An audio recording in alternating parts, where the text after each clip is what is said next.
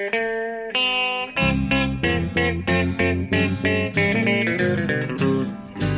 out there, we're on the air. It's hockey night tonight. Tension grows, the whistle blows, and the puck goes down the ice.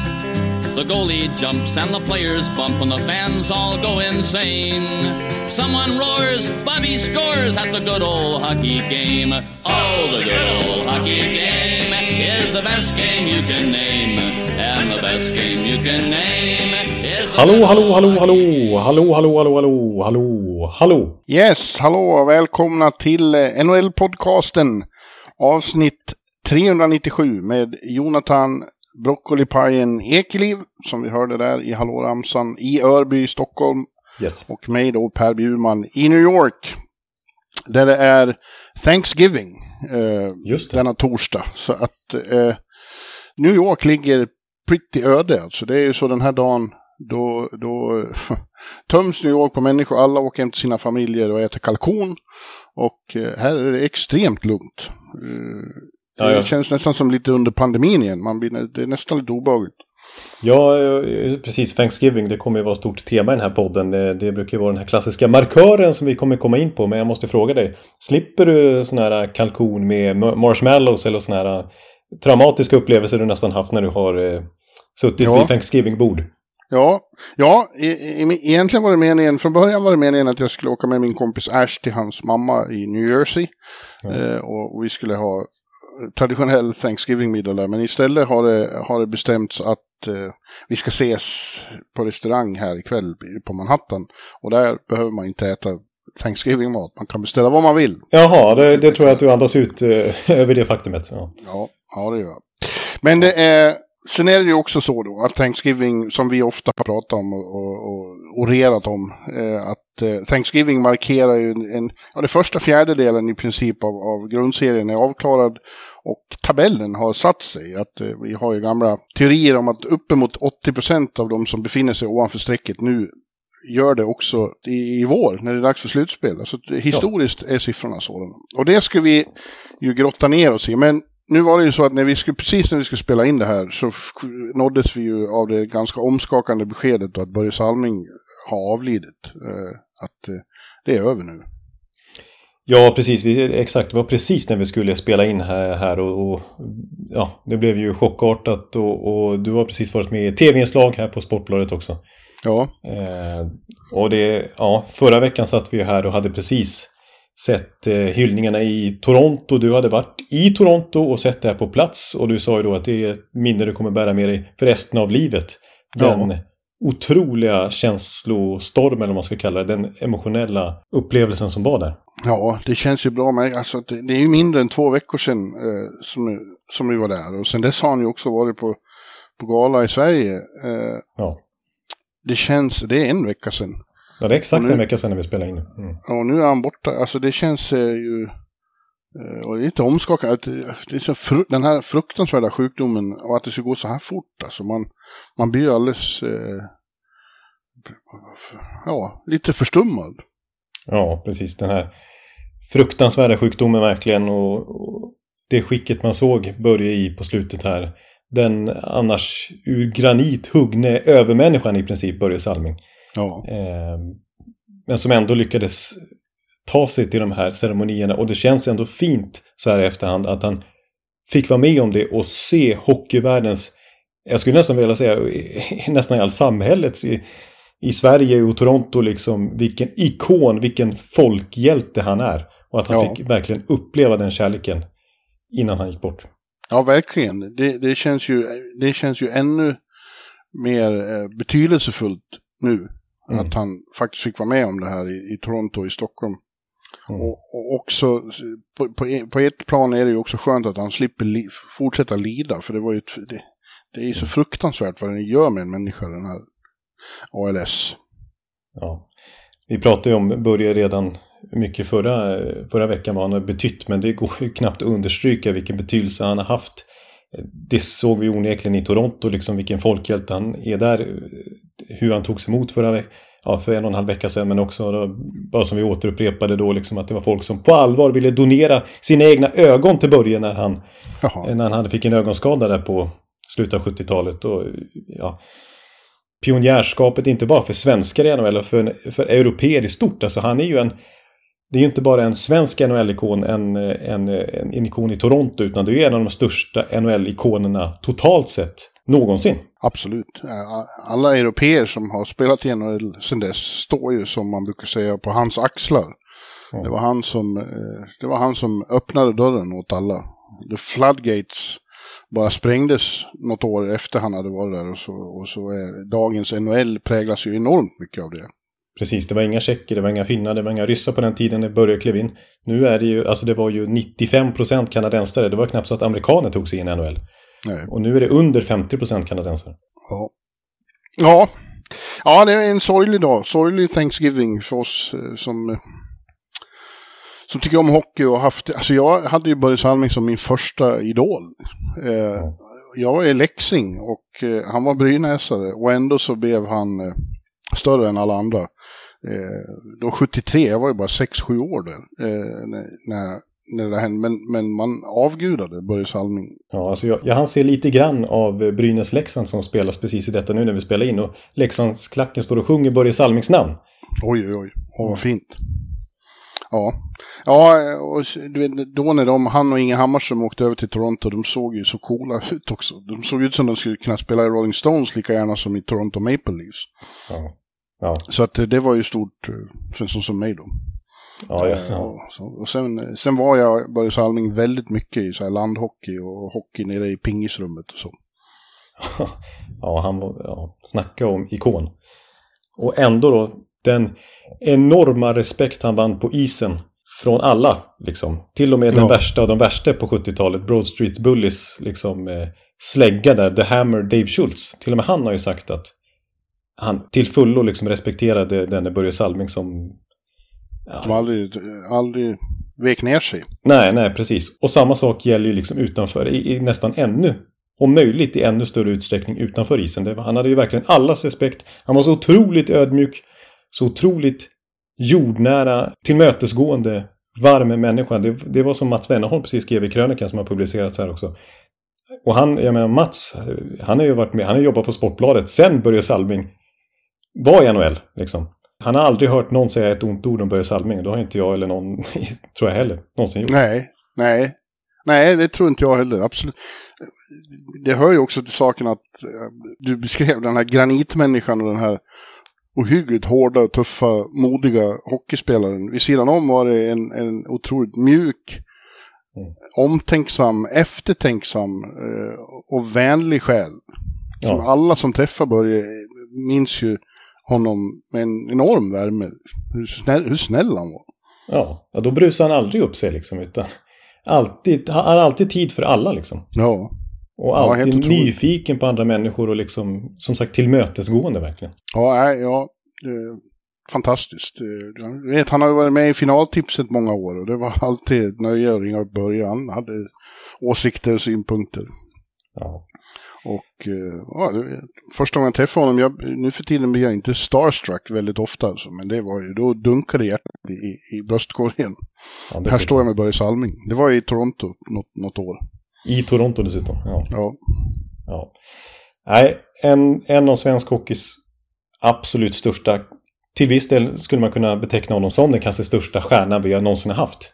Ja. Eh, den största pionjären åtminstone. Ja, de som eh, skulle kunna betraktas som större då möjligen som hockeyspelare, de, de ser det definitivt som att han är störst. Alltså ja. Niklas Lidström och Mats Sundin, och så, de är ju enorm tacksamhet. Ja, Niklas Lidström, det, han var ju noga med det när han blev utsedd då förra veckan till svensk hockeys bästa genom tiderna, att det är Börje som är, det var hans idol. Mm. Det, det, var han som Niklas Lidström ville efterlikna i sitt eget spel och i sitt sätt att vara. Absolut. Mm. Ja, ja eh, väldigt ledsamt och det känns ju lite så här kymigt att, sätta igång och prata om annat eh, i skenet av det här. Men det måste vi ju gå vidare. Eh, ja, precis. Vi, vi ska, vi, klart vi ska köra vårt körschema som vi hade ritat upp här, här innan. Jag kom av mig helt här med sånt jag egentligen tänkte vi skulle prata om. Men men ja, vi får ju gå in på nuvarande NHL-säsong och eh, det här Thanksgiving-upplägget vi har för dagen. Ja, vi får ju det. Och eh, det har hänt lite grejer. Eh, innan vi går in på det där så har det ju eh, var det lite trader och kontrakt och sånt. Eh, bland annat så eh, tradade Rangers bort eh, Ryan Reeves eh, till Minnesota. Minnesota, ja. Mm. Mot ett femte val. Och det var ju helt enkelt en, en, för att skaffa sig lite mer svängrum under lönetaket. De har, de har varit verkligen hårt pressade mot det. Precis. Och, ja, och kan man tänka sig, eh, jag menar om, apropå svängrum och lite löneutrymme, det måste de ha om de ska gå för Patrick Kane, som ju många hoppas på när det närmar sig deadline. Då krävs det Ja. ännu mer löneutrymme kanske. Ja, jo, de behöver, de behöver raka mer tror jag.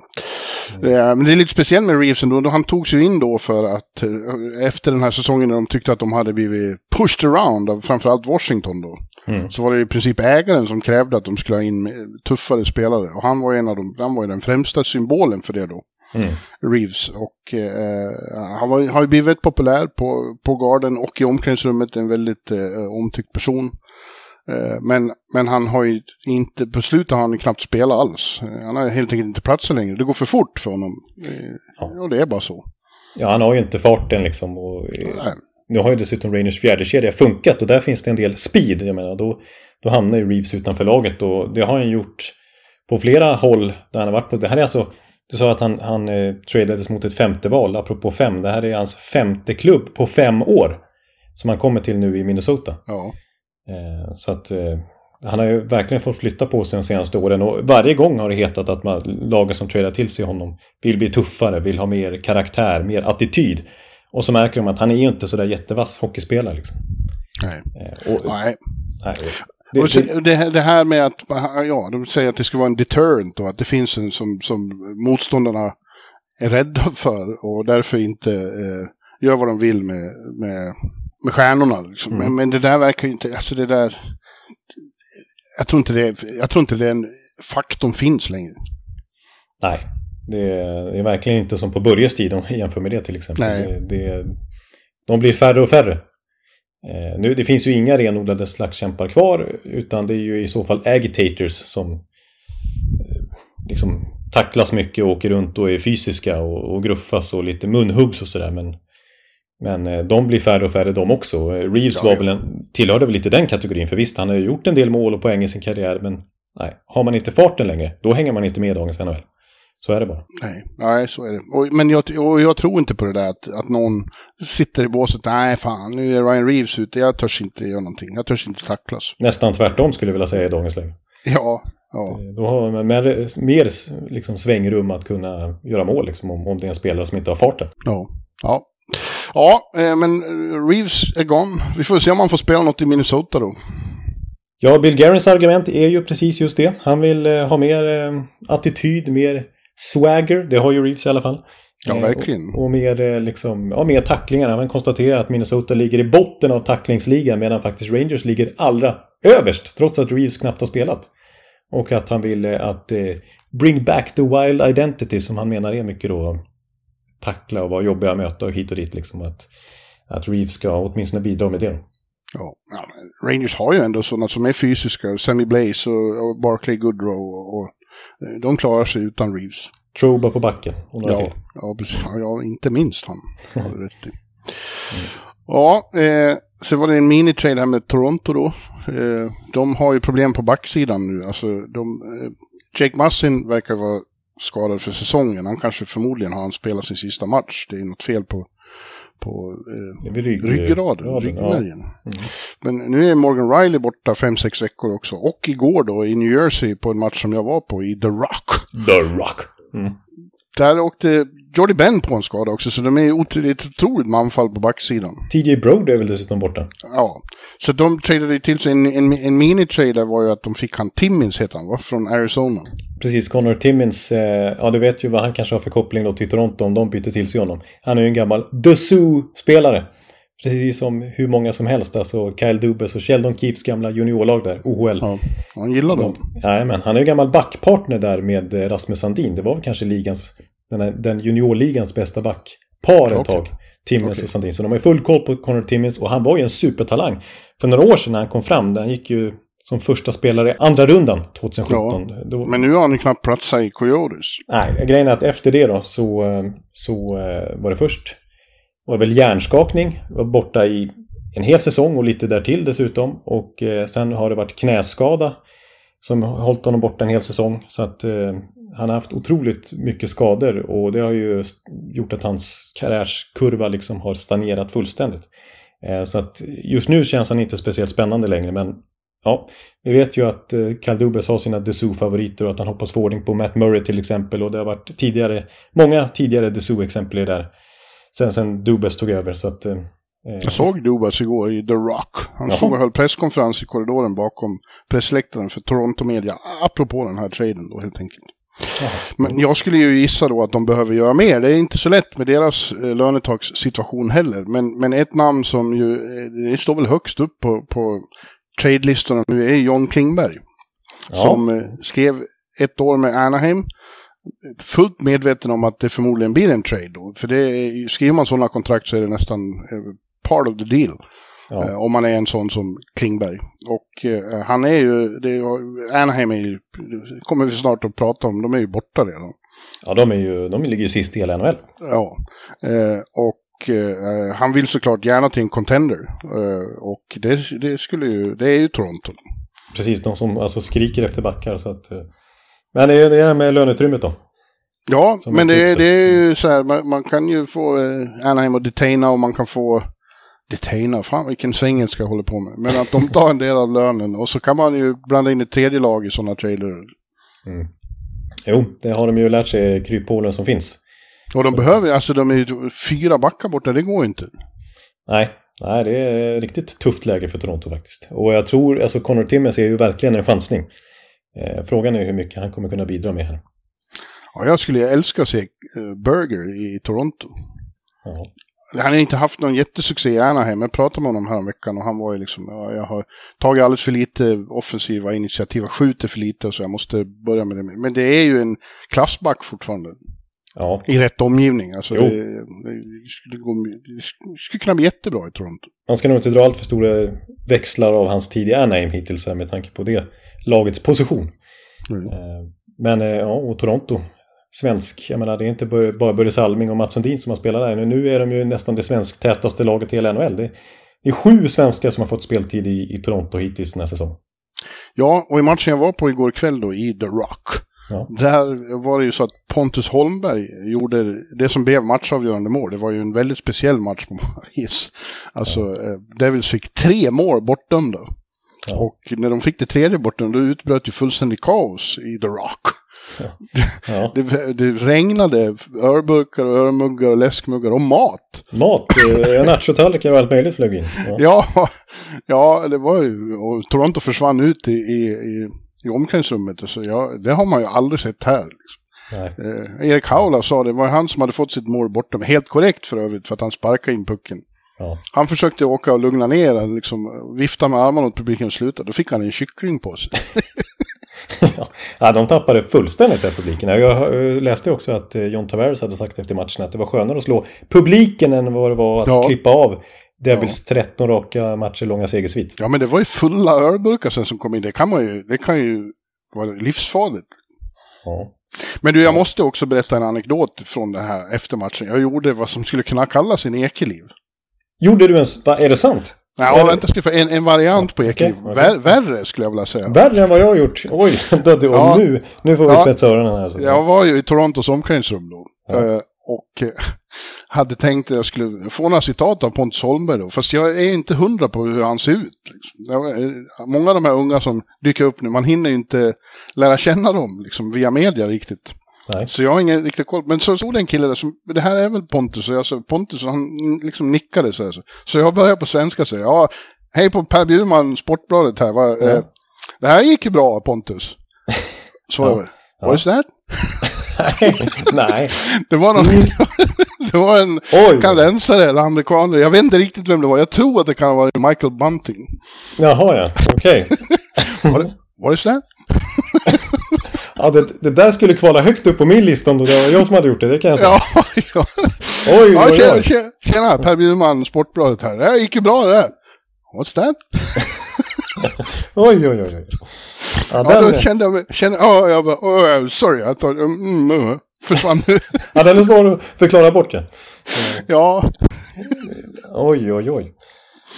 Ja, visst är det Ja, lite, lite Den- ekel. Den anekdoten förväntar jag mig inte efter Pontus Holmbergs första mål. Nej. Nej, nej, det var lite pinsamt, men då får man ju lov att bjuda på det. Jag tyckte det var otroligt skönt att höra. What's that? Ja, det ser man. Ja, så kan det bli. Ja. Ja. Du, vad har det hänt mer då? ja, vi har ju Magnus Hellberg som flyttar runt. Han blir Ja, det är bedrövligt alltså. Eh, ja, Seattle plockar tillbaka honom. Vänta, han börjar säsongen i Detroit, eller hur? Ja, vi, vi kan nästan börja så här med att han skrev ju på för Detroit i våras då. När Mm. eh, kriget bröt ut så lämnade han ju KHL och skrev på för Detroit i NHL. Eh, han är ju bara med en match där, sen var säsongen slut. Då skrev han på för Seattle under sommaren. Ja, Eh, och sen så inledde han säsongen där, blev wavad, hamnade i Ottawa, spelade en match, blev wavad, hamnade i Seattle igen som uppenbarligen liksom ville ha tillbaka honom. ja. Eh, han inte spela en enda match, wavad igen och nu upplockad. Nu är cirkeln sluten för nu är han tillbaka i Detroit. Som har Ja. plockat upp honom. Ja. ja det är helt sjukt. Mm. Det är ju, man, ty man tycker synd om människan. Alltså, det, det är nästan så det borde finnas några regler mot hur, hur mycket en enskild spelare kan bli wavad varje säsong. Det är ju fan inte handelsvaror de håller på med. Det är inte, det är inte ett, en laddning timmer som skickas runt. Det är en människa.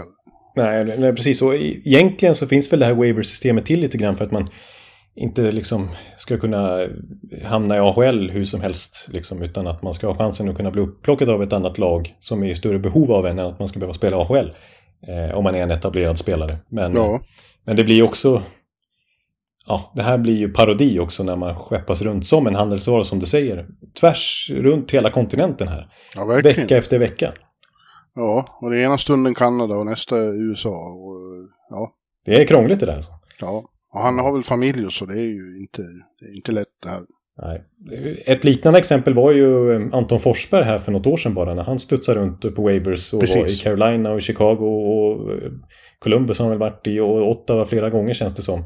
Ja, jag, Ja, det, var, för, det var några lag han inte ens hann installera sig hos. Nej, Så- nej, så var han wavad igen och så plockades han liksom. Men för hans del så har det ju betalat av sig för att han slog ett slut igenom i i Ottawa, fick mycket förtroende där och sitter ju nu på ett välbetalt fint kontrakt, flerårskontrakt. Så att eh, snacka om att han härdade ut och, och fick belöning till slut. Så vi hoppas för Magnus Hellbergs skull också att han verkligen kan få chansen att spela och kanske etablera sig på allvar i NHL. Faktum är så här, han har ju inte spelat många NHL-matcher. Det här är ju hans andra sejour i Nordamerika.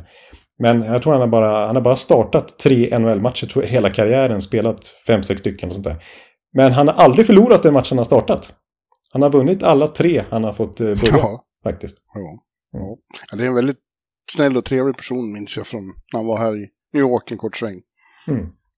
Ja, och det är lite anmärkningsvärt att det, det verkar ju vara Iceman som har tagit det här beslutet själv att claima honom för Detroit för att han vill ha ett liksom vill ha ett tremålvaktssystem. Det där brukar ju inte eh, så många gilla. Och framförallt inte målvakterna själva att behöva rotera mellan tre och det blir liksom odynamiskt på träningarna till exempel och sådär. Eh, men eh, Nedeljkovic har ju inte varit speciellt bra och nu går man in i den här klassiska november-december-lunken när det verkligen är inne i NHLs lunk här och det blir mycket matcher och det är ljumskar som slits och så vidare. Och då, eh, Ja, de kan ge fan ha honom på waivers bara. ja, men då, då påstår Iceman vis av erfarenhet att det kan vara bra att ha eh, ytterligare målvakt. De har löneutrymme, de har eh, liksom utrymme i truppen som inte är fylld, de hade en plats öppen. Och, och då lägger de det på en målvakt helt enkelt och, och ska liksom låta Hellberg, låter det som i alla fall, få, få vara kvar ett tag. Mm. Eh, Hoppas det. Ja. Eh, sen hade vi ett, en kontraktssigning i, i Raleigh, right? Ja, apropå, apropå målvakter då så eh, var det lite anmärkningsvärt som jag tycker är värt att ta upp eh, Korsetkov, ryssen. Mm. Eh, som ju likt Hellberg kom över från Ryssland här mitt under den förra säsongen och spelade AHL inledningsvis då. Carolinas farmarlag. Vann 13 av 15 matcher då och kallades upp till stora klubben. Och gjorde det rätt bra och fick ju stå en del i slutspelet sen också. Men där gick det inte speciellt bra. Grejen var att Andersen var ju skadad där och, och Carolina underpresterade lite och åkte ut mot Rangers ju. Eh, och, och delvis på grund av att målvaktsspelet var väl inte 5 plus från varken Ranta eller Korsetkov. Ja. Men nu har Andersen varit, varit skadad igen och det har blivit en del speltid igen för Korsetkov här som dock började i AHL men kallades upp. Och han har gjort det bra. Och nu, nu belönas han alltså efter bara vad är det, sju NHL-matcher totalt för hans del. Med ett fyraårskontrakt. Värt två miljoner dollar per säsong. Snacka om att... att eh, ja. Good for him. Ja, good for him och att tro på honom i ett tidigt skede. Och för, i deras fall liksom för, förhoppningsvis är väl tanken att göra ett fynd här. Att han kommer vara eh, värd mer än de här två miljoner dollarna per säsong han har skrivit på. Det är han ju inte värd i nuläget men att han kanske... Ja, att, mm. att han visar sig vara värd minst så mycket pengar. Eh, för att det, det, är alltså, det, är en, det, är ju en, det är en talang. Han gick i andra rundan för något år, eller några år sedan är det nu. Vart första keeper för Ryssland JVM. Etablerad första keeper i KHL. Eh, som sagt helt dominant i AHL när han kom över. Och håller väl fortfarande på att acklimatisera sig lite till Nordamerika. Han får använda Svechnikov som, som sin tolk. Han kan fortfarande inte prata engelska eller riktigt kommunicera med, med sina lagkamrater. Men i målet när han står där så är det en, det är en väldigt stor talang. Jag menar den ryska målvaktsplantskolan har ju varit helt extrem här på slutet. Så det här är väl nästa stora talang de har fått fram och tror kommer bli en världsmålvakt. Prata på du. Ja, ja, ja det, jag, jag ska gå och hämta kaffe så du kan fortsätta lite. Nej, men nu, nu jag, jag, det här är ett ämne du är engagerad i. Ja, nu, eh, ja men det var anmärkningsvärt tyckte jag att, att, att han fick det långtidskontraktet direkt. Nu går jag och hämtar kaffe. Jaså, men jag har, jag har pratat klart. Jag... Ja, men prata om något annat då. Ja, ja, men, ja, men jag... Sjung om Mikko. Nej, jag ska inte sjunga Mikko Rantanen uh, sången igen. Den... Eller vi får se när vi kommer till Colorado, för vi ska snart sätta igång här och uh, babbla på om, om tabellen. Det är ju Thanksgiving som sagt och som Bjure sa i början av podden här att ungefär 80 procent, jag tror att snittet ligger på liksom 78 procent av tabellen är satt vid det här laget. Eh, när det är Thanksgiving. Hallå? Hallå där. Vad gör du? Jag har eh, tagit en segway bort till Thanksgiving-tabellen nu. Eh, och konstaterar... Har du börjat med det utan mig? Det kan du väl inte ja, göra? Nej, men jag bara... Ja, jag, jag har inte satt igång. Jag bara presenterar lite grann. Ja, eh. jag kan ta... Jag ville börja med... Vi ska titta på de två divisionerna i öst först. Mm. Men enligt då eh, den här tesen om att eh, 80% av lagen, nästan 80% eh, går till slutspel som är där nu. Om det skulle vara så här nu. Mm. Vi börjar med öst då. Då skulle vi ha följande slutspelsserier. Ja, ah, klassiker. Mm. Boston mot Tampa. New Jersey mot New York Rangers. New York Islanders mot Carolina och Toronto mot Detroit. Okay. Mm. Klarar ni Boston? Nej, det gör ni inte. Nej, det är inte i nuläget. Nej. De slog oss ju ordentligt härom, häromdagen. Mm. Ja, vi börjar med öst och vi börjar med divisionen då. Eh, ja, vi kan börja med Metropolitan. Eller ska ja. vi börja med Atlantic eftersom vi sa Boston? Ja, det kan vi göra. Vi kan ju ja. börja, och vi börjar väl överst i tabellen och då, då är det just Boston. Ja, och de har ju varit ett, eh, eh ja, bäst i ligan, punkt slut. De leder sammanlagda tabellen, tror jag väl, de gör fortfarande. Ja, eh, ja Vegas är en poäng bakom.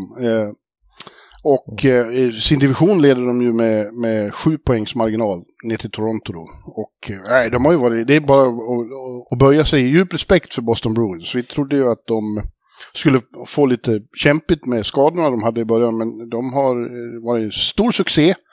Mm. Eh, Linus Ullmark har varit ligans bästa Morris och Hampus Lindholm har varit täckt upp mer än väl för Charlie McAvoy och nu är han tillbaka. Så dessutom så är ju alltså deras stjärnor, etablerade stjärnor har varit lysande rakt igenom. Bergeron och, och Pasternak och, och, så vidare. Ja, precis. Det var ju jättemycket frågetecken i, i våran preview liksom. Hur det skulle gå för Boston och var det något av de här eh, klassiska fyra topplagen, höll jag på att säga. De som har varit eh, etablerat i toppen här i Atlantic de senaste åren. Eh, som skulle kunna falla ur ramen den här säsongen så trodde jag att det var Boston på grund av just skadorna. Eh, Cassidy hade lämnat som coach, hur skulle Montgomery funka när han tar över?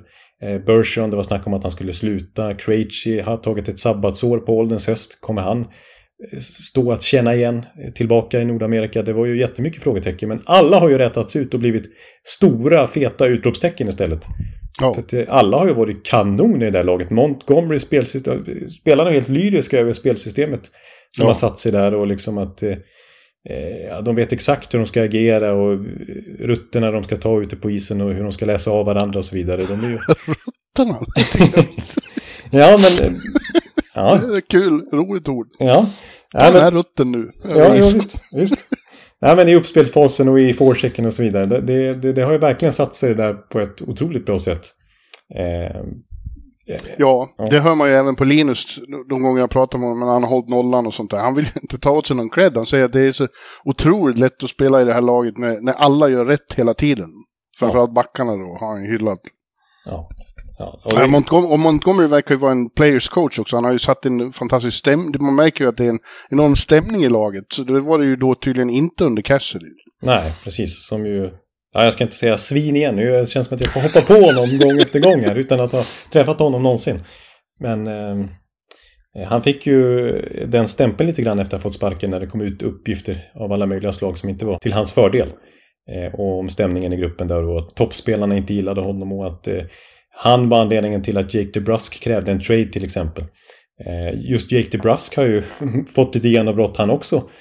Eh, den här, den här hösten. Han står ju på nästan en poäng per match här under Montgomery istället. Så det känns som att alla flyger med den här nya coachen i båset. Ja, ja äh, jag är djupt imponerad av dem. Dessutom har man fått förnyad liksom, sympati för, för kulturen i det där omklädningsrummet när, när Bergeron och, och Foligno och de tog ställning mot den här mobbaren. Det, var, det kändes... Ja, den, precis. När de såg till att Mitchell Miller inte blev en del av laget. Ja. Som ju ledningen ville. Ja, ja jag gillar Boston. Och, och, och, och i nuläget då, efter första fjärdedelen, så känns de som hetaste contenden. Det är bara så. Ja. Ja, de är otroligt bra. Vi får se, jag har en liten teori om... Ja, jag drar kanske lite för stora växlar, men de... Mm. När, liksom, i, grund, I grundserien då... Kläm fram det nu. Ja, men i grundserien så möter man ju liksom inte... Då möter man ju nya lag hela tiden. Och man hinner liksom inte... Det känns som att inget lag riktigt har hunnit läsa nya mönstren som Jim Montgomery har upparbetat i Boston. Att det kan bli lite tydligare ju längre säsongen går och framförallt i ett slutspel när man möter samma lag hela tiden och verkligen djupanalysera deras sätt att spela och att det kan bli lite tuffare då om något lag lyckas liksom eh, hitta motmedlet mot det, allt som funkar just nu i Boston. Jag vet inte. Ja. Jo, det är, det är tänkbart för att nästa lag där, mm. tvåan då, Toronto, det har ju vinglat lite hit och dit. Det har varit perioder när de inte har varit bra, men sen har de varit väldigt bra. Och igår då, där i, i New Jersey, mm. i Newark, så skulle jag vilja påstå att de gjorde en riktigt jävla kanonmatch. De klippte ju av då New Jerseys 13 matcher långa segersvit och hindrade dem från att slå klubbrekordet. Och de gjorde det med en perfekt genomförd match. För de hade uppenbarligen djupanalyserat New Jersey. Ja. Eh, för de tog bort deras vapen. De, de förhindrade dem att spela sitt East-West-spel och sakta ner dem i mittzonen. Och då var Devils mer beskedliga, lättare att tas med. Ja, det är ju det är imponerande. Toronto som annars väl inte är så jättenöjda med sin höst överlag. Nej, jag tycker inte de var särskilt imponerande när jag var där uppe de där förra helgen då. Mm. Eh, de två matcher jag såg då, jag tyckte det kändes liksom lite tunna. De kändes eh, inte som de hade liksom någon pondus i spelet. Men det hade de definitivt igår. Riktigt bra såg det ut.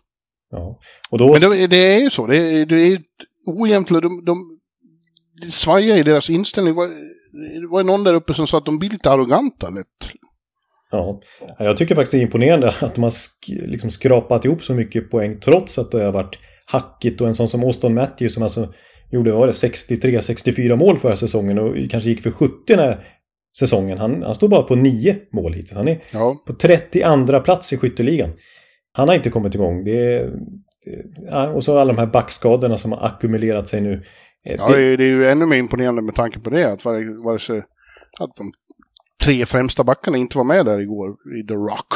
Nej, nej, och vi som har sågat eh, målvaktssidan inför säsongen, det är ju faktiskt Erik Källgren som har stått mest den här säsongen hittills på grund av att det har varit så mycket skador där också. Men, mm. men det, det, som är pikant är ju att målvaktsspelet, det har varit, alltså de är topp 10 i NHL när det kommer till, de är faktiskt sjua i total liksom kombinerad räddningsprocent på sina målvakter den här säsongen och det är ju bättre än på länge i Toronto.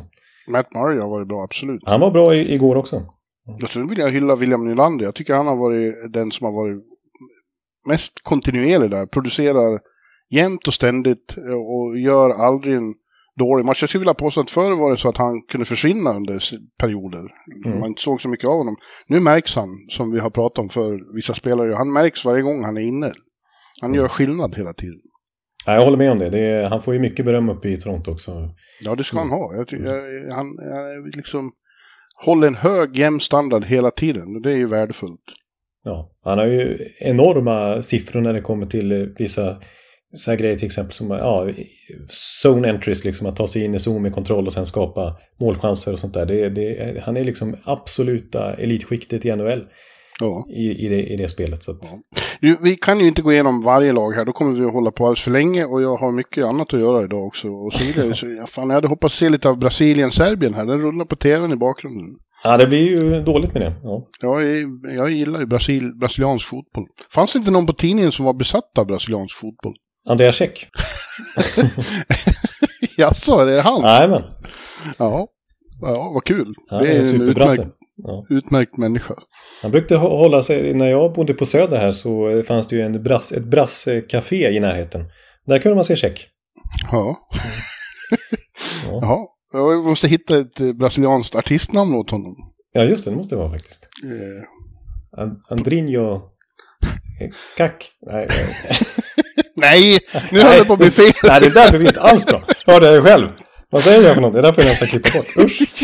Blipa, usch. Jonathan, du och dina... Nej, jag ska inte säga någonting. Du ser, nu, nu har du sagt att du gjort bort det här med Pontus Holm, så, så liksom slår jag tillbaka direkt. Ja, det... Nej, nu tar, vi, nu tar vi Detroit tycker jag. Ja, det tar, ja, som sagt, vi kan inte gå igenom varje lag. Men Detroit kan vi ju konstatera att, ja, som väntat så har de eh, eh blivit bättre i år. Kanske lite, till och med lite bättre än vi trodde. Ja, ja precis. Eh... Det är också lite upp och ner. Alltså de är bra ibland. Nu har de tre raka. Och, eh, nollade Nashville igår, sista matchen innan det här korta uppehållet. Eh. Mm.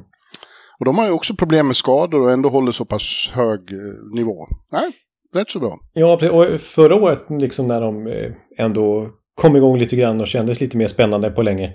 Eh, så tycker jag inte att eh, det är liksom inte jättemycket snack om Moritz Seider den här säsongen. Han har inte haft en lika bra säsongstart som i fjol. Lucas Raymond har ju inte öst in poäng på riktigt samma sätt. Han har varit bra men inte riktigt som han inledde i fjol heller.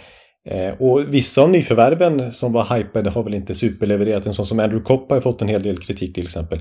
Det konstiga ja. är att den som var minst hypad egentligen, Dominik Kubalik, han är över point per game hittills. Ja. Men det känns överhuvudtaget som det är mycket by committee, att det är laginsatser. Precis, det är ju eh, Tampa-tränaren Derek Lalonde. Det känns ju lite som att han har, har viss del i det här att de har fått lite ja. mer struktur, en lite högre lägstanivå skulle jag vilja säga. Ja. De kunde ju förlora matcher med, med, de kunde ju släppa in tio mål i ett antal matcher i fjol. Ja.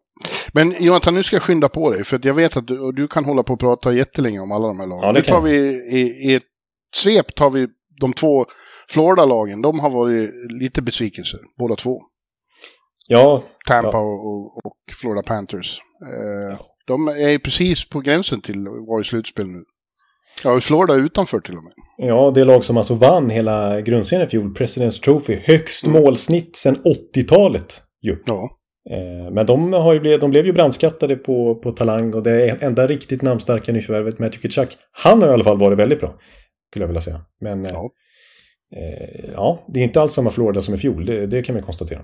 Och Tampa, de har svårt att komma igång tycker jag det känns som. Eh, man ser, i början var det väldigt bra, Steven Stamkos eh, var bättre än på länge, men eh, det är, inte, det är inte riktigt det här bettet i dem som man är van vid. Nej, de, de ser väl inte sådär fruktansvärt bra ut som de har gjort de senaste åren. Att de är en solklar sån given contender. Det är, de är fortfarande en contender, det vill jag verkligen säga. Och Kutjerov tycker jag är extremt bra igen här nu när han är... Man får se honom i en grundserie från start. det har man inte varit bortskämd med på slutet. Men Hedman är väl, har haft en oväntat svag säsongstart. Petad från första PP. Eh, gick poänglös i sex raka matcher här om eh, sistens. Ja. Eh, nej, han måste steppa upp sig. Vasilevski måste steppa upp sig. Jag tycker, ja. jag tycker rätt så mycket stämmer ändå för Tampa, men vissa av de här toppspelarna just i, i, i defensiva leden, Hedman och Vasilevski, om de kommer upp i normalstandard, då har Tampa eh, fler poäng att hämta. Såklart, men visst, det är ju... Eh, Viktor är inte i närheten av toppen ens i svenska backarnas poängliga. Nej. Eh, han vann ju den svenska poängligan totalt sett i fjol. Ja, eh. ja jag märker det. Det är inte ofta man ringer honom. Men han åkte på någon skada. Det skulle inte förvåna mig om det är hemma honom fortfarande. Men axel. Nej, Nej det, är, det är mycket troligt att det är det. Och jag hoppas verkligen att han kommer tillbaka. Jag menar, han är ju nominerad sex år i rad till Norwich Trophy. Han är inte i närheten av det just nu. Nej. Men han kan ju mycket väl komma tillbaka till det. Jag menar, så är det. Yes. Eh, Montreal, eh, helt okej okay, gör de. Det är ingen som förväntar sig att något särskilt ska hända i år. De är, står ju på tillväxt. Men eh, redan nu så är det många av ynglen som gör bra ifrån sig. Ja. Eh, Buffalo är ju intressant eh, säsong de håller på med. Först så var de helt suveräna och åkte runt och slog alla möjliga eh, topplag. Mm. Sen hamnade de i en supersvacka igen, förlorade åtta raka och nu plötsligt har de smält till igen med två storsegrar mot eh, vilka var det först? Det var ju St. Louis här i... i... Ja, mm. och dessförinnan Montreal. Det var, det var back-to-back. 7-2 och 6-2. Och plötsligt såg de svinbra ut igen. Ja, ja de, är, de är märkliga. Det är, ju, det är ju mycket ändå som känns positivt för framtiden då. Liksom att, eh, att Rasmus Dahlin har ju verkligen slagit igenom med i toppen av backarnas poängliga och är liksom bra kväll efter kväll. Även i den här förlustsviten så gjorde ju Dahlin väldigt många starka insatser. Eh, Tage Thompson har ju visat att den där äh, målsuccén i fjol inte var någon engångsgrej utan han är ju en legit första center i NHL numera. Ja. Och är med i toppen av, av hela poängligan han också. Eh, ja, och några till ynglingar har väl gjort det okej. Okay, så det, det, känns ändå positivt trots att de uppenbarligen är väldigt ojämna fortfarande. Känslan, det hör man från Buffalo Reporter, jag såg Mike Harrington fick frågan, känns det här som vanligt? Eh, att det, det, de har ju varit med förr och haft bra starter och sen tappar det helt. Mm. Eh, men han säger, nej det är en totalt annan känsla och de vill ju ett slutspel. Det är, det är inte, de vill inte stå på och, och, vänta på framtiden nu, de vill ju framåt. Ja. Eh, och de, de här två matcherna visar väl faktiskt att det är sant. Att det här är inte samma gamla vanliga Buffalo som bara säckar ihop.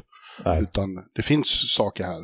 Nu, nu är ju visst avstånd upp då. Eh, sex poäng, fem poäng. Mm. Eh, men det kan de ju äta upp. Ja. Det är värre för nästa lag. Ja, det håller jag med ja. Ottawa är sist då i hela, hela öst. Uh, och, och, det är ju en grav besvikelse för dem. Av de här lagen vi pratade om som uh, alla skulle bli bättre i år, av de som har varit dåliga i flera år, så var ju Ottawa de som rustade upp mest och tog in de klarast lysande stjärnorna. Uh, och det har inte funkat alls. Nej, de har inte fått ihop det. Det som jag tycker är lite pikant i sammanhanget eh, av alla eh, liksom, mängder av förluster de har radat upp. Det är att ja, det är bara en vecka sedan de åkte på sin första, eller ja, drygt en vecka sedan de åkte på sin första förlust som inte var med uddamålet om vi räknar bort sådana liksom tom kassemål. De har liksom varit med i, i princip alla matcher men ändå lyckats hitta sätt att förlora. Ja. Så att de har inte, de har inte varit utspelade. Det är visst, nu åkte på någon stor torska mot eh, San Jose och de har liksom förlorat lite här på slutet. Men fram första månaden så, så var de med i matcherna men lyckades på något sätt förlora hela tiden. Ja, ja, ja, ja, ja paff över hur klen en sån som Alex DeBrincat är till exempel. Ja, fem mål efter 41 i fjol. Vi var ju jättelyriska över den värvningen. Ja. Eh, och han har inte alls fått det att stämma. Och han som har så mycket motivation också, kontraktsår och så vidare. Det är liksom upp till... Liksom, han har chans att, om man jämför med Pasternak till exempel, som håller på att spela till sig enorma lönecheckar här. Eh, så, ja. så är det tvärtom för DeBrinket. Ja, ja nej. Illa. Jag förstår ju inte eh, Pierre Dorian, general manager, gick ut och svor på att han inte tänkte sparka tränaren DJ Smith. Och jag förstår ju faktiskt inte riktigt varför. Det behövs ju något. Något måste hända där. Ja, det, det känns som att det är det som är det största problemet. Backsidan är väl inte jättestark heller, men strukturen ser man ju inte alls på samma sätt som till exempel i andra änden av tabellen i Boston. Då. Nej. de sitter ju inte riktigt ihop som lag. Nej, precis. Mm. Ja, eh, Låt oss gå vidare till Metropolitan då, eller till New York-divisionen som vi kan kalla den nu. För det, ja. det är faktiskt så att eh, i Metropolitan så är Devils 1, Islanders 2, Rangers 4. Det är, det är ju happy days i, här i, i New York-området. Så här bra har inte alla tre varit under min tid här. Absolut inte. Nej, och då trodde vi ändå att det var Rangers som skulle vara ett av de här tre lagen ja. så här dags på säsongen. Mm. Ja. ja, nej, men det är New Jersey som är klart bäst och de leder ju den här divisionen med sex poängs marginal. Eh, och mm. har som sagt just fått en segersvit att 13 raka segrar eh, avklippt. Det gick en månad utan att de förlorade. Och då var de enormt besvikna igår. Så vi gillar inte den här känslan. Vi vet att det var länge sedan, men det är lika jävligt att förlora som vanligt. Ja. Eh, och de har ju varit otroligt imponerande. Jag, nu har jag varit på två matcher på på två dygn. Ja, ute i The Rock. Mm. Jag såg Edmonton-matchen i måndags och eh, Toronto och, och mot Edmonton var de grymt bra. Ja. Det är alltså det är ibland när de får upp farten, både på skridskorna men nästan ännu mer i passningsspelet. Eh, hur fort ja. pucken går mellan dem. Jesper Bratt gjorde ett mål, eller han var inblandad i två som kändes som tagna ur ett videospel. Det bara så pang, pang, pang, pang, pang. ja, ja. Ja, det, och, och, och, de pratar ju om The Brat Pack nu då, med två T. Uh, att det är han och Hischier och Hughes som ju i alla fall är med, spelar samtidigt i powerplay. Uh, att de tre har blivit liksom de stora stjärnorna där, och så är det ju. Ja, ja precis. Det är, för det är det som är så speciellt också och som vi har varit inne på när vi har återkommit till New Jersey känns det som varje podd hittills den här säsongen. Eh, att, för det är ju i princip samma lag i fjol som missade slutspel med 37, 37 poängs marginal. Eh, de förstärkte med Palat under sommaren och förstärkte med John Marino, eh, Andrew Brunette som associate coach. Men eh, generellt sett så är det typ samma lag. Vitek Vanesek i målet också. Men framförallt är ju de spelarna som varit där länge som har tagit nästa steg. Ja. De har lyft sig internt på något sätt. Och det är just The Brat Pack framförallt. Jag menar, vi, vi har pratat om alla tre känns det som. I början var det mycket Jesper Bratt. Vi har liksom Nico Hischer har lyft fram som en Patrice Bergeron light. Och, och jag har sagt att eh, Jack Hughes är som en Matt Barzell som kan skjuta. Eh, det, ja. det, det, är ju... De är ju verkliga klassspelare nu, hela den trion. Ja, men jag är, samtidigt är det djupt imponerande med inställningen där som vi har pratat om tidigare. De liksom peppar varandra till att jobba hårdare än tidigare. Eh, och tidigare när de har liksom lägga under så har de haft en jävla förmåga att komma tillbaka i fantastiska tredje perioder. Lite såg vi, såg vi av det mot Toronto också då, men då, då var ju Maple Leafs väldigt bra på att vrida vapnen ur händerna på dem genom framförallt att stoppa det här sidledsspelet. Ja. Ja. Eh, de, de kloggade igen isen ordentligt och då, då fick de lite problem. Ja. Det ska också sägas att Vitek Vanecek har varit ett stort utropstecken i, i kassen. Ja, han har ju precis efter eh, första veckorna var varken han eller Blackwood som sen blev skadad sådär jättebra. Men, men Vanesek, sen han liksom nu verkligen är uttalad första keeper så ja, han ser väldigt bra ut. Det ser ut att ha varit eh, väl investerade pengar där. Ja, ja verkligen. Ja. Och jag, jag, vill också återupprepa det, för jag tycker det är värt att säga om man, om man tror att så här, Devils är det fluk, är det, har de hög effektivitet, studsar deras väg bara, liksom kommer det här vara hållbart över tid? Ja, det, det känns verkligen så. De är det lag som har skjutit flest skott i hela NHL hittills. De har släppt till näst minst antal skott i hela NHL hittills. Ja. Eh, om vi kollar från slottet där det är som farligast. Minst antal skott emot sig i hela NHL hittills. Skjutit flest antal skott i slottet framåt hittills. Det är liksom, ja. De är nummer ett i de absolut viktigaste kategorierna. Ja, och, och, och, att försvarsspelet har blivit så otroligt mycket bättre än senast är ju avgörande. Ja. Men det är också intressant att se vilket djup det finns. För det är ju inte bara de här två första kedjorna som det går så här fort för, utan det är även eh, Jesper Bokvists tredje kedja inne så är det ett jävla tempo också. Liksom. De har djup i, i hastigheten. ja, det är precis. Precis, och sen så på backsidan är ju, det måste vi nämna, så på pappret när man ser den, det, det är också en... Den står sig väldigt starkt eh, vilken backsida man än, än jämför med tycker jag NHL med. Liksom, förut var det ju så att Damon Severson var första back i New Jersey. Nu är han nere i tredje paret. Jag Doggy Hamilton har, har, verkligen funnit sig till rätta nu. John Marino har varit en succévärvning. Jonas ja, Siegenthaler har, har vuxit ut till en, en väldigt bra back. Ryan Graves som de tog från Colorado, som där var väldigt bra är också bra i New Jersey nu så det är, det, är en, det är en namnstark backsida skulle jag vilja säga också. Ja, ja eh, John Marino som du nämnde där. Mm. Eh, ja, man visste väl att det var en habil back men här har han ju varit suverän. Ja, det var inte så att han eh, var med på topp 10 bästa värvningarna inför säsongen på många listor men just nu känns han som en av de absolut bästa värvningarna ja. Eh, från sommaren. Mm. Ja. ja, sen har vi då eh, konkurrenterna på Long Island, Islanders. Mm. Det har varit till och från, fast mer sällan, det blir mer och mer sällan som de gör svagare matcher igår. Nollade de Edmonton, så Rockin tog 30, 49 skott tror jag, var helt suverän. Ja. Och eh, det där var inne på att det känns ju som att de håller på att ömsa skinn och att de blir mer och mer medvetna om att ja, jag har lite lösare tyglar nu, jag kan göra mer, jag kan spela hockey nu, jag behöver inte bara dumpa in pucken. Eh, nu när Barry har försvunnit. Och de börjar trivas bättre och bättre i denna nya eh, verklighet. Ja, ja precis. Det, och eh, lite anmärkningsvärt också, det var ju liksom många Islanders-fans som var besvikna under sommaren.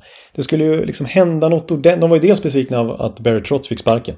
Sen var de besvikna att det inte hände mer i truppen. Liksom. Ja. Alltså, det var snack om Gaudreau, det var snack om The Brinket, det var snack om Fjalla, det var snack om Matthew Kachuk och så vidare. Det skulle liksom någon, någon riktig marquee-värvning ville de ju ha. För att ruska om lite där. Men nej, det är ju, alltså, det är ju Romanov har kommit in och så Sorsnikov som har spelat tre matcher. Annars är det ju exakt samma lag som missade slutspel i fjol. Eh, minus Barry Trotz i båset i princip. Som, som är framme även den här hösten. Och då går det bra. Det visar ju, vilket vi även kan tillägga i fallet New Jersey Devils. Det är inte så dumt med kontinuitet. Kolla Nej. på Ottawa som har gjort om hela truppen, eller gjort det har verkligen inte gjort, men som gjorde stora rokader och Columbus och några till lag som inte har fått det att stämma. Kontinuitet är bra det med. Ja, det var ju humor här i, i veckan när, när Columbus kom dit och Johnny Gaudreau vart utbuad varje gång han nuddade pucken. Och var helt paff efteråt själv. Han sa I, I don't get it. Jag pratade inte med Islanders en enda gång i somras. Mm. Vi hade ingen kontakt och ändå blir jag utbuad här. Nej, ja precis. Ja, det är ja, Islanders-fans i ett nötskal. De ska... Ja, det är det faktiskt. Vi mot världen, finns, är det verkligen tydligt eh, ute på den? Jag tror de är lite avis på Devils-fansen nu som ställde till med sådana scener igår. Det har ju inte de gjort. Nej, just det. Det där är precis. Det där ser Islanders som positivt liksom. Ja, det är en utmaning. det måste vi också ordna. Ja. Nej, men sen ja. målvaktsparet är ju otroligt bra också. Som den Sorokin och Valam. Ja, ja, ett av de absolut bästa paren. Det är det ju. Och så vill jag nämna också säga grattis till Lula Muriello. Han fyllde ju 80 år för några veckor sedan. 80 bast igen. Ja, otroligt. Otroligt. Det ser han inte ut som och det agerar han ju inte som. Han är ju jävligt pigg. Ja. Tell, uh, goes to tell you att, att om man håller sig aktiv och håller hjärnan aktiv då blir man inte gammal. Nej, det, det är otroligt viktigt. Vi får uh, ta efter Lou. Kanske inte på alla sätt tror jag, men i vissa fall i alla fall. Jo, jag ska bli mer som Lou. Du ska bli mer som Lou, ja, då får jag passa mig tror jag. Då får jag ju... Ja. Jag, måste jag gå till frissan snart tror jag. Ja, ja så, är det, så är det Carolina då som har trängt sig in mellan New York-lagen här. Mm. Hurricanes. Uh, de är, när de är som bäst så är de ju svinaktigt bra. Det vittnar ju alla motståndare om hur svårt det är att spela mot dem. Men, men det händer ju att de släpper på gasen som igår. Blir nollade mot Arizona hemma i, i PNC Arena. Ja, precis. Det är ändå lite ovanligt. Jag tycker de inte riktigt trummar på på samma sätt som de senaste åren när de slutat trea i hela NHL.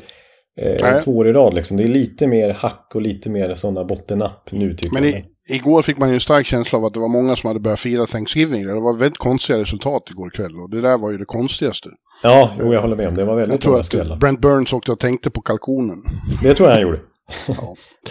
Ja. Sen har vi Rangers eh, som, eh, nej, de lever inte riktigt upp till förväntningarna. De har ju eh, tagit sig upp på, eh, på slutspelsplats nu då eh, och tog en väldigt imponerande seger mot LA Kings borta. De låg under med 2-0 och vände och vann med 3-2. Det var en stark insats. Men, men sen förlorade de direkt mot Anaheim. Så Anaheim fick sin första seger efter eh, ordinarie matchtid.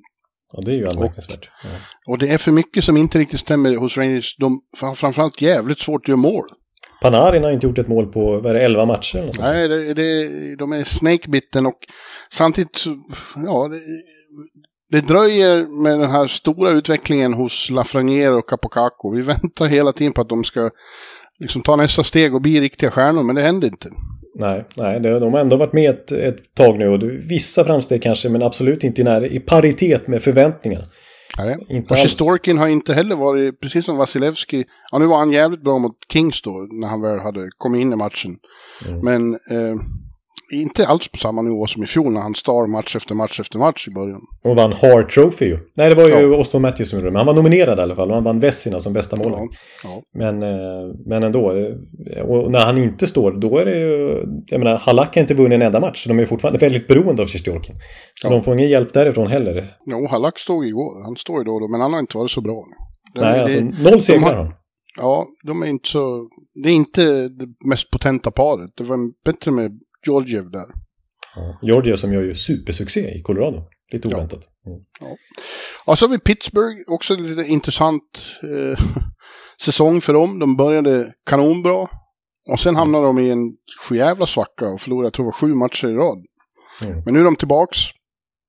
Eh, Fyra raka. I, I vinnarspåret och se, har sett riktigt starka ut och Crosby har varit grym. Eh, och det där var när de förlorade så där mycket matcher. Det var precis som Rakell sa när jag träffade honom någonstans. Ja, det var väl i, i Toronto det. Mm. Att de, det var, handlade mer om att de fällde sig själva än att motståndarna var så mycket bättre. Det var ju stark känsla av det hela tiden. Mm. Mm. Det var mycket, mycket turnovers och mycket, så här, mycket misstag verkligen. Ja. Man såg. Men det har de ju städat upp lite nu och jag såg den här matchen när, när Malkin, det var väl hans, när han firades för sin tusende match och sonen var inne i, ja det var någon match tidigare tror jag. Som det var otroligt rörande. Lilla Nikita kom in och läste upp uh, första femman där och uh, det kramades och grät. Det var uh, väldigt rörande. Ja det var fina scener. De, det där borde man söka upp på, på YouTube om man inte har sett det tycker jag. Men ja. det, det, var, han firades här i Pittsburgh mot Calgary här om natten då och, och, och avgjorde dessutom på straff. Eh, Josh Yohe, deras eh, mångåriga beatwriter där i, Pittsburgh, han sa att han aldrig upplevt bättre stämning i arenan någonsin sen de bytte till PPG Paints. För, för drygt ett decennium sedan. Än vad han gjorde i, igår då helt enkelt. Så att är, nu är det plötsligt bra vibes igen runt Pittsburgh och de kanske kan rida lite på den här vågen. Det säger inte lite därför att det är alltid bra stämning i, där. Det, det, är en av de mest underskattade hallarna i ligan vad gäller stämning. Eh, ja. Man är där på slutspel så är det ett ohyggligt tryck tycker jag. Ja. Ja, ja, du och jag har ju varit där, kommer jag ihåg. Ja. Och Crosby gjorde mål på volley. Eh, och det Just var det. ruggigt tryck också. Ja. Att, eh, ja. Vad heter kolan man dricker där?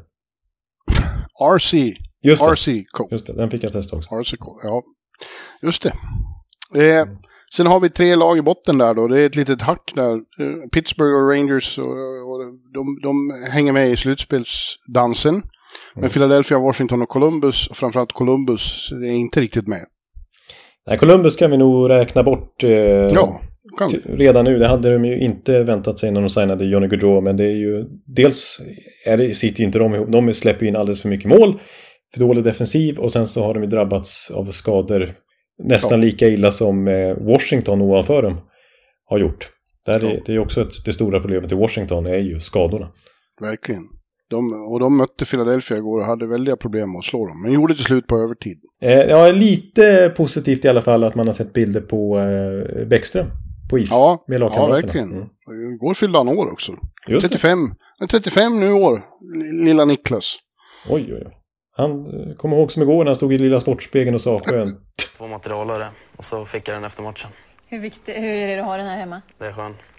Ja, ja. ja. Ja, men vi behöver inte gå in närmare på dem. Nu går vi över till väst. Ja. Och där skulle vi ha följande slutspelsserier. Om det började nu då, om de här lagen verkligen var de som går till slutspel, så skulle det vara Vegas, St. Louis, Dallas, Calgary, Colorado, Winnipeg och Seattle, Los Angeles. Oj, ja det är ja. anmärkningsvärda serier och vissa lag som är utanför till exempel. Ja, det är väl mest anmärkningsvärt med ja. de som är utanför ett, ja. ett antal. Eh, men om vi börjar med Central då, så är det Dallas som har ryckt i toppen där. De gör en riktigt bra säsong. Ja, precis. Och Jason Robertson har gått och blivit ja. NHLs absolut bästa spelare. Tvåa i poängligan, delad etta med McDavid i skytteligan också. Så. Ja, han gör mål hela tiden känns det som. Min, min gamla fine ja, det Calder Trophy-vinnare. Just det, just det. Och dessutom Jamie Benn, över point per game. Jamie Benn ja. som vi har räknat bort. Ja, han gör det med väldigt lite speltid ja. mot vad han är van vid. Det är imponerande. Ja, han är ofta nere i tredje kedjan där med White ja. Johnston, rookien, och så har de Tyler Seguin i andra kedjan. Det, de sprider ut det och får produktion från... Eh, jag menar, för den där första kedjan är en av ligans absolut bästa. Och så är det inte bara de som levererar, utan det är, det är, det är både secondary scoring och spetsen som slår till. Ja, och det är också typiskt Peter Bohr. Eh, ofta när han kommer till nya lag, första säsongen är alltid succé. Ja, det, det är precis. Det är helt otroligt. Ja. Det är minst konferensfinal när han kliver in i ett nytt lag. Det är ju ja. faktiskt så. Mm. Ja, ja, otroligt. Ja, bakom sig har de Colorado som ju är regerande mästare men som har lite, man, ja de har ju också en, haft enorma problem med skador. Det är halva laget borta och de tycker det är lite man, man ser glimtar men det är inte samma Colorado än som det var senast vi såg dem. Nej, det enda där de är samma Colorado det är ju powerplay. De har bäst powerplay i ligan. 34 procent efter Ja, men det är väl klart.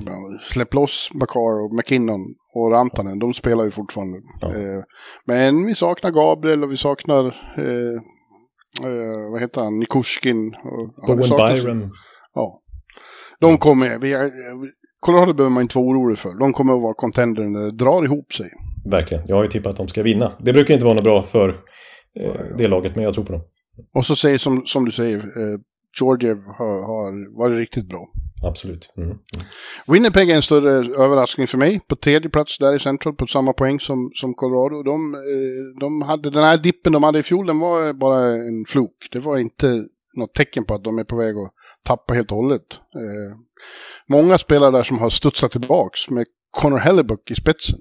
Ja, framförallt honom skulle jag säga. Sen vill jag ändå, jag, kollade igenom Thanksgiving-tabellen i fjol också. För att bara jämföra mm. lite grann. Då var det 75% av tabellen som visade sig vara satt. Eh, fem lag som eh, tog sig in i slutspelet som var utanför. Eh, av 16 då. Eh, mm. Winnipeg var ett av de lagen som låg på slutspel vid Thanksgiving faktiskt förra året. Sen kom ju den här stora dippen i december när Paul Maurice hoppade av. Så att, eh, det, det, det, har vi som en liten asterix här när vi pratar Winnipeg tycker jag. Men, Men nu ska vi väl inte tro att typ, coachen hoppar av i år också? Nej, det tror jag inte. Nej. Mm. Nej då. Nej. St. Louis har också haft en sån här konstig säsong.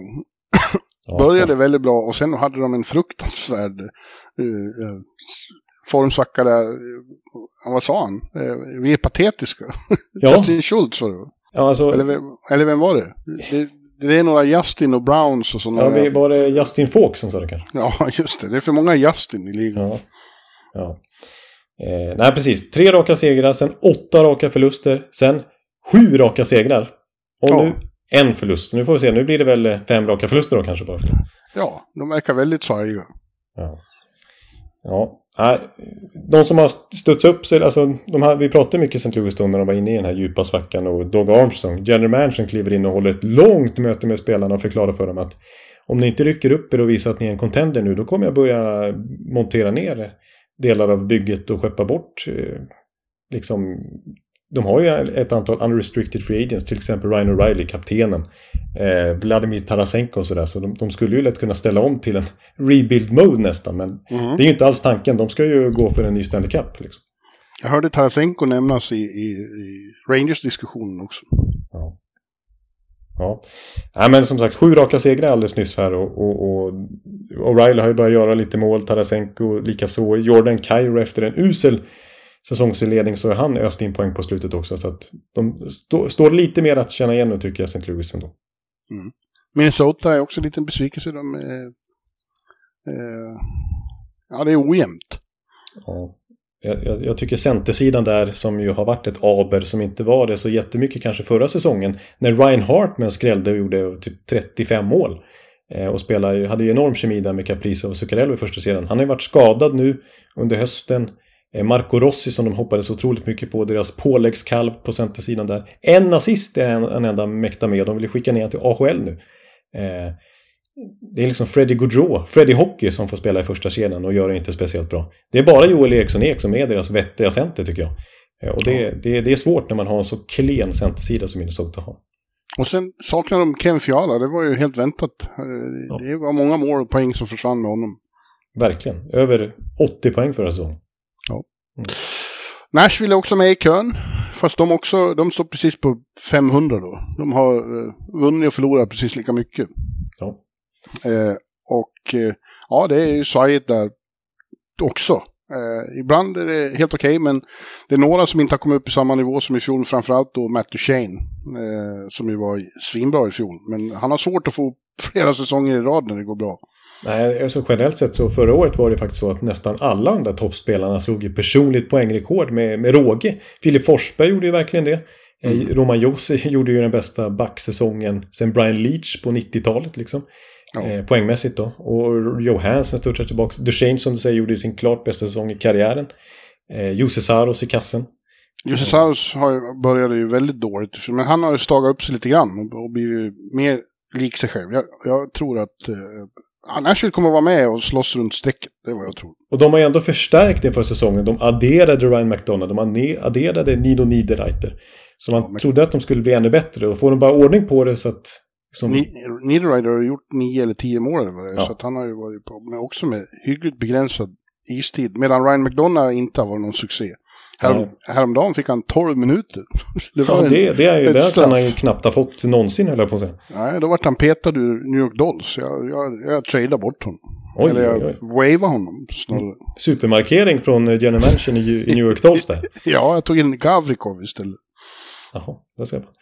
Ja, lite positivt liksom, utropstecken kanske att ta i, men, men Juuso Persinen, den här finländaren som eh, unge finländaren Ja, som de tog i ja. sjunde rundan för något år, några år sedan här, 2019 var det väl, eh, som har klivit in i första kedjan nu och gör en hel del poäng, spelar med Filip och, och Mikael Granlund. Ja, Eh, fin säsong i Finland i, fjol, slog igenom lite där och så har han redan nu första center i NHL helt plötsligt. Ja nej. Ja, eh, vi har Arizona och Chicago i botten, finns inte så mycket att säga om dem. Arizona eh, tar någon, någon seger här, någon överraskningsseger här och där, men jag tycker ofta det känns som att de, blir, att de är liksom underskattade. Att inte motståndarna gör det de ska, som, som Carolina igår. Nej. Chicago är, som nu har fem raka förluster, de, de är borta, säger vi. De är helt bort och jag tror att det kan bli riktigt eh, ugly, höll jag på att säga, i Chicago resten av säsongen. Tänk när de tradar bort Patrick Kane, vilket jag tror de kommer göra, när de tradar bort Domi, Athanasi och alla de här killarna de bara skrev ettårskontrakt med. Alltså Ja. Anton Strålman, eller Anton. Eh, John? John Klingberg, jag höll på, nu blandar jag ihop dem då, det var väldigt konstigt. John Kling, Klingberg ettårskontrakt med liksom, så, sådana finns det ju mängder av i Chicago. Alltså det kommer vara ett rent AHL-lag som avslutar säsongen i Chicago och redan nu så ligger de sist i divisionen. Efter Arizona. Ja, nej, det, det är... De har, de har tänt en brasa där som kommer att brinna i många år innan Ja. det återuppstår något Ja. igen. Ja. Ja, avslutningsvis då Pacific. Och där har vi nämnt att Vegas är eh, det stora utropstecknet. De leder den tabellen med, ja de har ju sju poängs marginal. Åtta poängs marginal ner till Seattle på Ja. andra platsen. Och eh, de bara går som tåget, Vegas. Ja, precis. Och, och den, den stora nyckeln, här finns det mycket man kan ta i, men, men eh, framförallt så är de ju skadefria. Det är ju den stora, stora nyckeln. De var ju då värst drabbat av skador av alla lag i fjol. Mm. Men nu, eh, nu har de, ja, det, det är fortfarande så att den tänkte första målvakten Robin Lehner är skadad resten av säsongen. Men det har ju varit stor succé med Logan Thompson och Aiden Hill. De har varit utmärkta i kassen. Ja. Samtidigt har Jack Eichel visat sig vara riktigt, riktigt bra. Ja. Fynd. ja, ja. Nej, men han har, ju, han har ju varit det de hoppades att han skulle vara, har han ju visat nu. Det gjorde han inte när han kom tillbaka från den nackoperationen under eh, höst, eller under våren då när han kastades in. Och, men nu har han fått en hel försäsong. Han är i fint fysiskt lag igen. Han har lärt känna gruppen, han har lärt känna den där speciella staden. Och liksom kommit in i det på ett helt annat sätt och känns bekväm nu. Nu Ja. är det den här swagger Jack Eichel som, Ja. som dominerar. Ja, grym. Och de har djup, inte minst på backsidan har de väldigt bra djup. Eh, De, deras tredje backpar beskrivs som bästa tredjeparet i ligan. Eh, Det är ju ett värde i sig. Ja, ja, precis. Och Pietro Angelo känns som en Norris-kandidat den här säsongen. Ja, grym är han. Och vår vän Wild Bill. Såg du Wild Bills mål Ja, igår? det såg jag. Backhanden från... Ja, vilket, vilket, vilket otroligt Mitt i teckningscirkeln drar han iväg en backhand som går in. Var, var fick han ens idén ifrån? Ja, jag, pratade med honom efteråt. Han sa, ja, jag, jag tänkte jag bara skickar den på mål får vi se. Ja, det var ju perfekt. Ackuratess dessutom. Ja. Ja, Ja, nej, men eh, Vegas, där har vi en tidig västcontender som heter duga. ja, eh, en anmärkningsvärd statistik jag ska dra fram är bara att de har släppt till flest antal skottförsök mot sig i hela NHL. Jag hade aldrig gissat att Vegas skulle vara det lag som har släppt till flest skott emot sig. Skottförsök.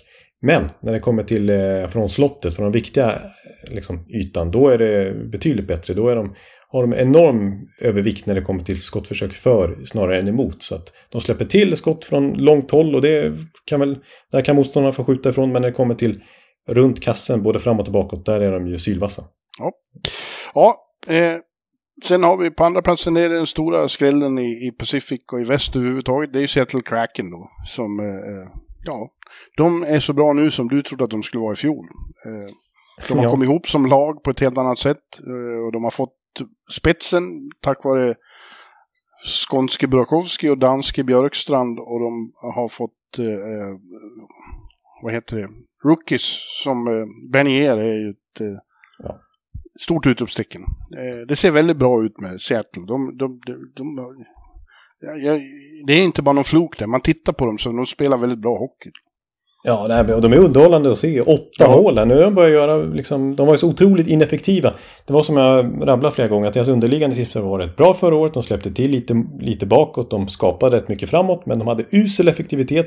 Inget bra PP eftersom de saknade spets. Och Philip Gruber kastade in puckar bakåt ju. De hade ju Ja. sämst räddningsprocent av alla lag. Men nu har ju, det är kanske den största sensationen, att Martin Jones av alla målvakter har Ja. varit rätt vass. Ja. Eh, sen vill jag addera då i sammanhanget att det är faktiskt ganska tacksamt att vara Seattle-målvakt för du får inte så där jättemycket skott mot dig. Speciellt inte från just det som jag pratade om, farliga ytan i slottet. Eh, de har släppt till nästan exakt lika få skott från slottet som Carolina har gjort, som Boston har gjort faktiskt. ja. De har släppt till färre skott från slotten än vad de två finallagen från i, från i somras gjorde. Colorado och Tampa har släppt till fler skott från slottet än vad Seattle har gjort. Så att, eh, det är ju väldigt positivt. Och sen så framåt då, Burakovsky som du nämner, leder interna poängligan, har fått det här lyftet som vi trodde med mer speltid och mer förtroende. Point per game igen, Burakovsky hittills. ja. Ja. Och PP ska jag säga, lyft med 10 procentenheter jämfört med i fjol. Mycket imponerande. Mm. Kul, tycker jag. Ja, det är roligt. Det är händer, kul att- händer lite saker. Ja. Ja. Sen har vi Los Angeles, som har, ja, de skulle jag vilja påstå är ganska precis i linje med vad vi trodde att de skulle vara.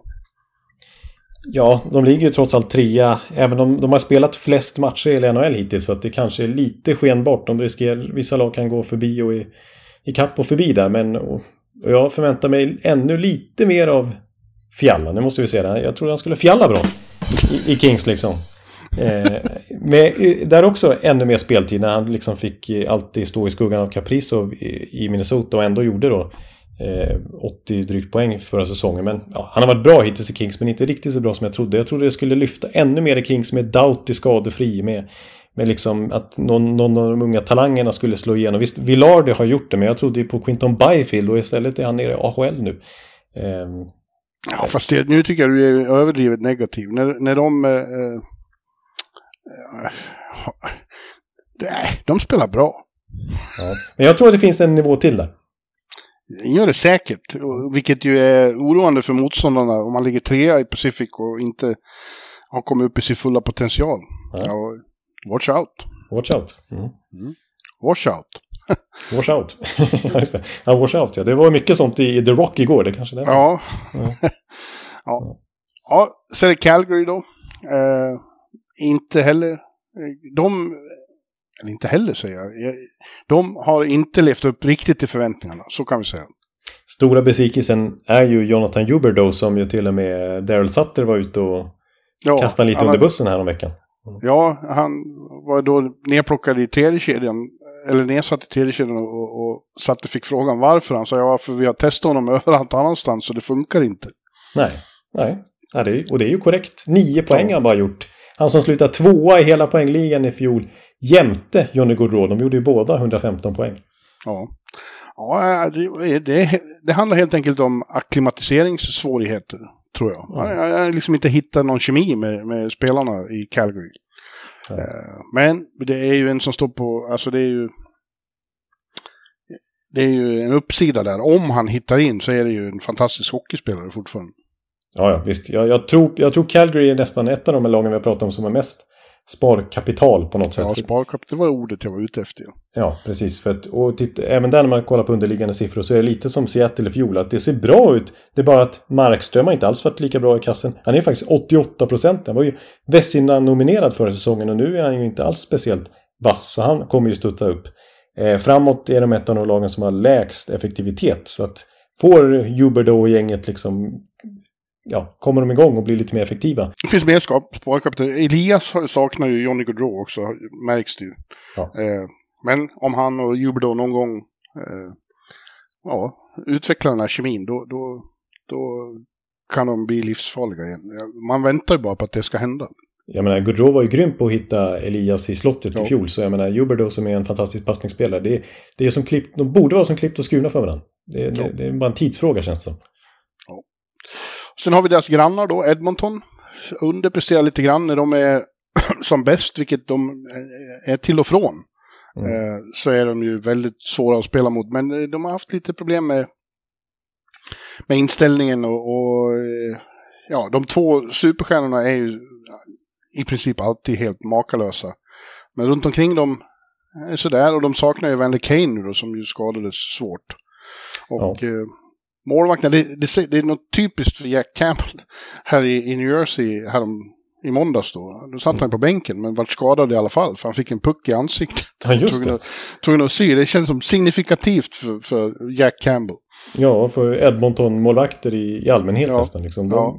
Man trodde det skulle lösa sig lite grann, inte för att Campbell är någon otrolig målvakt, men vi trodde ändå att det skulle staga upp den där målvaktssidan som vi har kritiserat i så många år. Men nej, han, har ju, han är 87-procentig hittills. Och det är ju snarare Stuart Skinner som har varit bättre av de två hittills i, Edmonton-kassen. Så det är lite, jag tycker det känns lite som samma grej kring Edmonton vid motsvarande tidpunkt i fjol. Att man klagar på målvaktsspelet, att man att det är för mycket McDavid och Dreisaitl bara. Sen kom ju Vander Kane in i fjol och allting lyfte sig, även Woodcroft som coach naturligtvis. Men när, när, när de värvade Vander Kane så, så fick de en bättre bredd genast på något vis. Fler Mm. vapen. Jag menar nu sen Vander Kane gick sönder så har de ju förlorat, vad är det, sju av tio matcher och sånt där. Ja. Även Yamamoto saknas. Så det är ju så att Mattias Janmark spelar första kedjan nu. Det är väldigt förvirrande för honom. Ena stunden är han nedskickad till eh, AHL och nästa så är han i första kedjan med Conor McDavid. Det måste... Det är En kontraster. väldigt eh, spretig säsong. Ja. Eh, men eh, ja, det är samma där. Det- Jag tror att det kommer att lösa sig för Edmonton. Ja. I längden. Alltså de är, de är precis utanför slutspelet, men det står ju på samma poäng som en massa andra lag. Det är trångt i kön där. Det gör ju det här, eh, vårt Thanksgiving-tankebygge lite vingligt.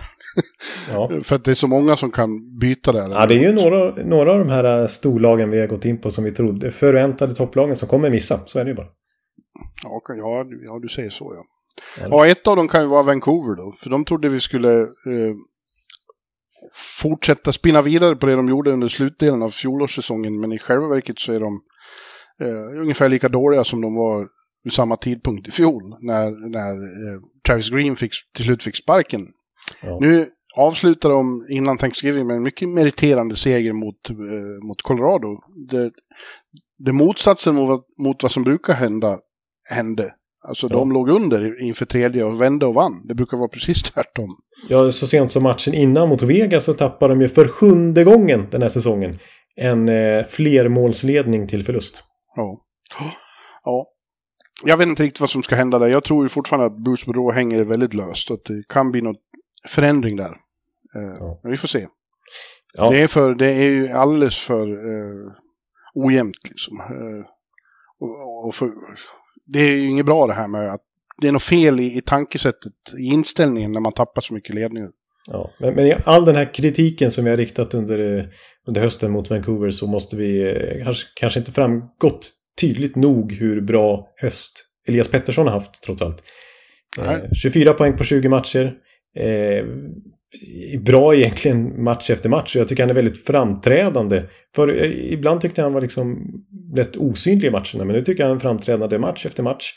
Och bara en sån sak som eh, hans defensiva spel. Att han liksom får mer förtroende och blir, liksom, blir mer komplett som center. Då. Eh, att, eh, alltså, han, har spelat, tre- han har spelat näst flest av alla forwards i boxplay hittills den här säsongen. Han har spelat lika många minuter i boxplay den här säsongen som han gjorde på hela förra säsongen. Ja, Så att det, det är häftigt att se, tycker jag, Elias Petterssons eh, utveckling här eh, under 2022 skulle jag vilja säga totalt sett. Där han har blivit mycket, mycket mer komplett och det, det, han har fått tillbaks självförtroendet och pondusen igen. Och är liksom eh, den här säsongen Vancouvers klart bästa spelare. yes. San Joses klart bästa spelare är också svensk. Ja, jo, det får man säga. Eh, Det är Erik Karlsson och det har vi pratat mycket om. Eh, Deras säsong är Erik Karlssons återuppståndelse som superstar. Mm. Han har varit makalös, leder på backarnas poängliga i, i, i totalt eget majestät och har även varit högt upp i vanliga poängligan. Eh, Och eh, resten av laget är väl sisådär. Eh, Logan Couture är okej, han gör lite mål, men, men i övrigt är det ju för väldigt tunt där. Och, Timo Maier är väl bra. men- Eh, den stora frågan är om, om någon lyckas få till en trade som är Erik. det, är som, det är det som är mest spännande att se med fortsättningen av San Joses säsong. Ja, senast i general manager-mötet så var ju, sägs det ju att Mike Greer var framme till eh, hans budskap till resten av ligans general managers var liksom att han är... eh, Kommer med... Kom och ta. Kom och ta han. ja, det är ju väldigt svårt som vi varit inne på hundra gånger med hans enorma kontrakt och att det är flera år kvar på det och med Karlssons skadehistorik och sådär. Men det är klart att hans värde har höjts enormt igen nu med tanke på att han är, han är ju Norris. Han är ju Norris första Norris-kandidat just nu så som han har spelat.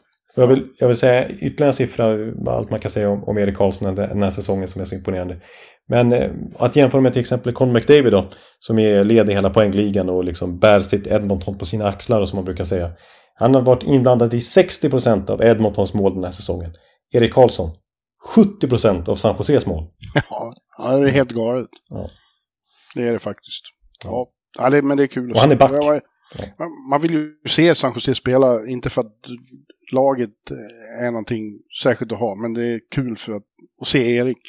Ja, ja han, är ju, han är faktiskt han är ju lika bra som när han var som bäst egentligen. Vilket Ja, ju ja. är fantastiskt. Avslutningsvis behöver vi inte orda alls mycket om Anaheim. De befinner sig i en total renovering och eh, de, eh, ja, det var först igår de tog första segern som sagt i, i ordinarie, under ordinarie matchtid. Eh, det är mest pannkaka där. Ja, ja, vi- det är bara att konstatera att eh, de har inte alls De är borta. det. De är borta. De är borta. De Ja. är borta. Ja, vilka som ligger på slutspel kommer att ligga där nu då, Jonte? Vilka kommer inte att klara det? Ja, ja, precis. Ja, det är ju lättare sagt än gjort här att, reda ut. Eh, Jag tror, jag tror faktiskt Ja. inte att Winnipeg kommer göra det när, vi- när vi summerar. Nej, okej. De, de sätter jag bort. Eh, Nej, jag kan inte, jag törs inte ta bort Detroit tror jag inte håller heller. Nej, okej. Mm. Eh, Pittsburgh övertar Detroits plats och vem övertar Winnipegs plats? Nashville? Edmonton? Ja. Jag är inte säker på att St. Louis fixar det heller. Nej, inte, nej, det ska jag säga att jag, det tror jag kan bli tufft för dem i längden också. Jag tror, jag tror, in, jag tror Minnesota, säger jag redan nu, de tror jag missar slutspel. De, de är ju borta redan nu, men, men eh, eller borta är de inte, men de är utanför just nu och jag tror inte, Ja. tror inte de repar sig. Nej. Ja, ja. Ja, så, så vi får se. Vi, vi gör ny, ny avstämning efter halva serien. ja det gör vi. Det blir väl någon gång i, i januari det. Ja, någon gång där. All-Star-uppehållet brukar vi Visst. Ja. ja, men du eh, Jonte, nu ska jag se slutet av Brasilien-Serbien. Jag ska också skriva en krönika som jag har blivit tillfrågad om. Ja. Eh, trodde det skulle bli en lugn och, och eh, avslappnad Thanksgiving, men det blev det inte. Nej, det blev, det blev fullt upp. Men, eh, Så, så blir det i det här yrket. ja. Men vi eh, tackar väl för det. Jag ska hinna med att gå ut och äta min Thanksgiving-middag så småningom i alla fall. Eh, och eh, ja, vi eh, återkommer som vanligt nästa vecka. ja, det gör vi. Det gör vi. Och eh, vi tackar er alla som har lyssnat på oss även denna vecka. Och så hörs vi snart igen. Hej hej! Hej, hej! Hallå, hallå, hallå. Hallå, hallå, hallå. Alex Chiazot, Joe Luis Arena och Esposito. Esposito. Uttalsproblem, men vi tjötar ändå.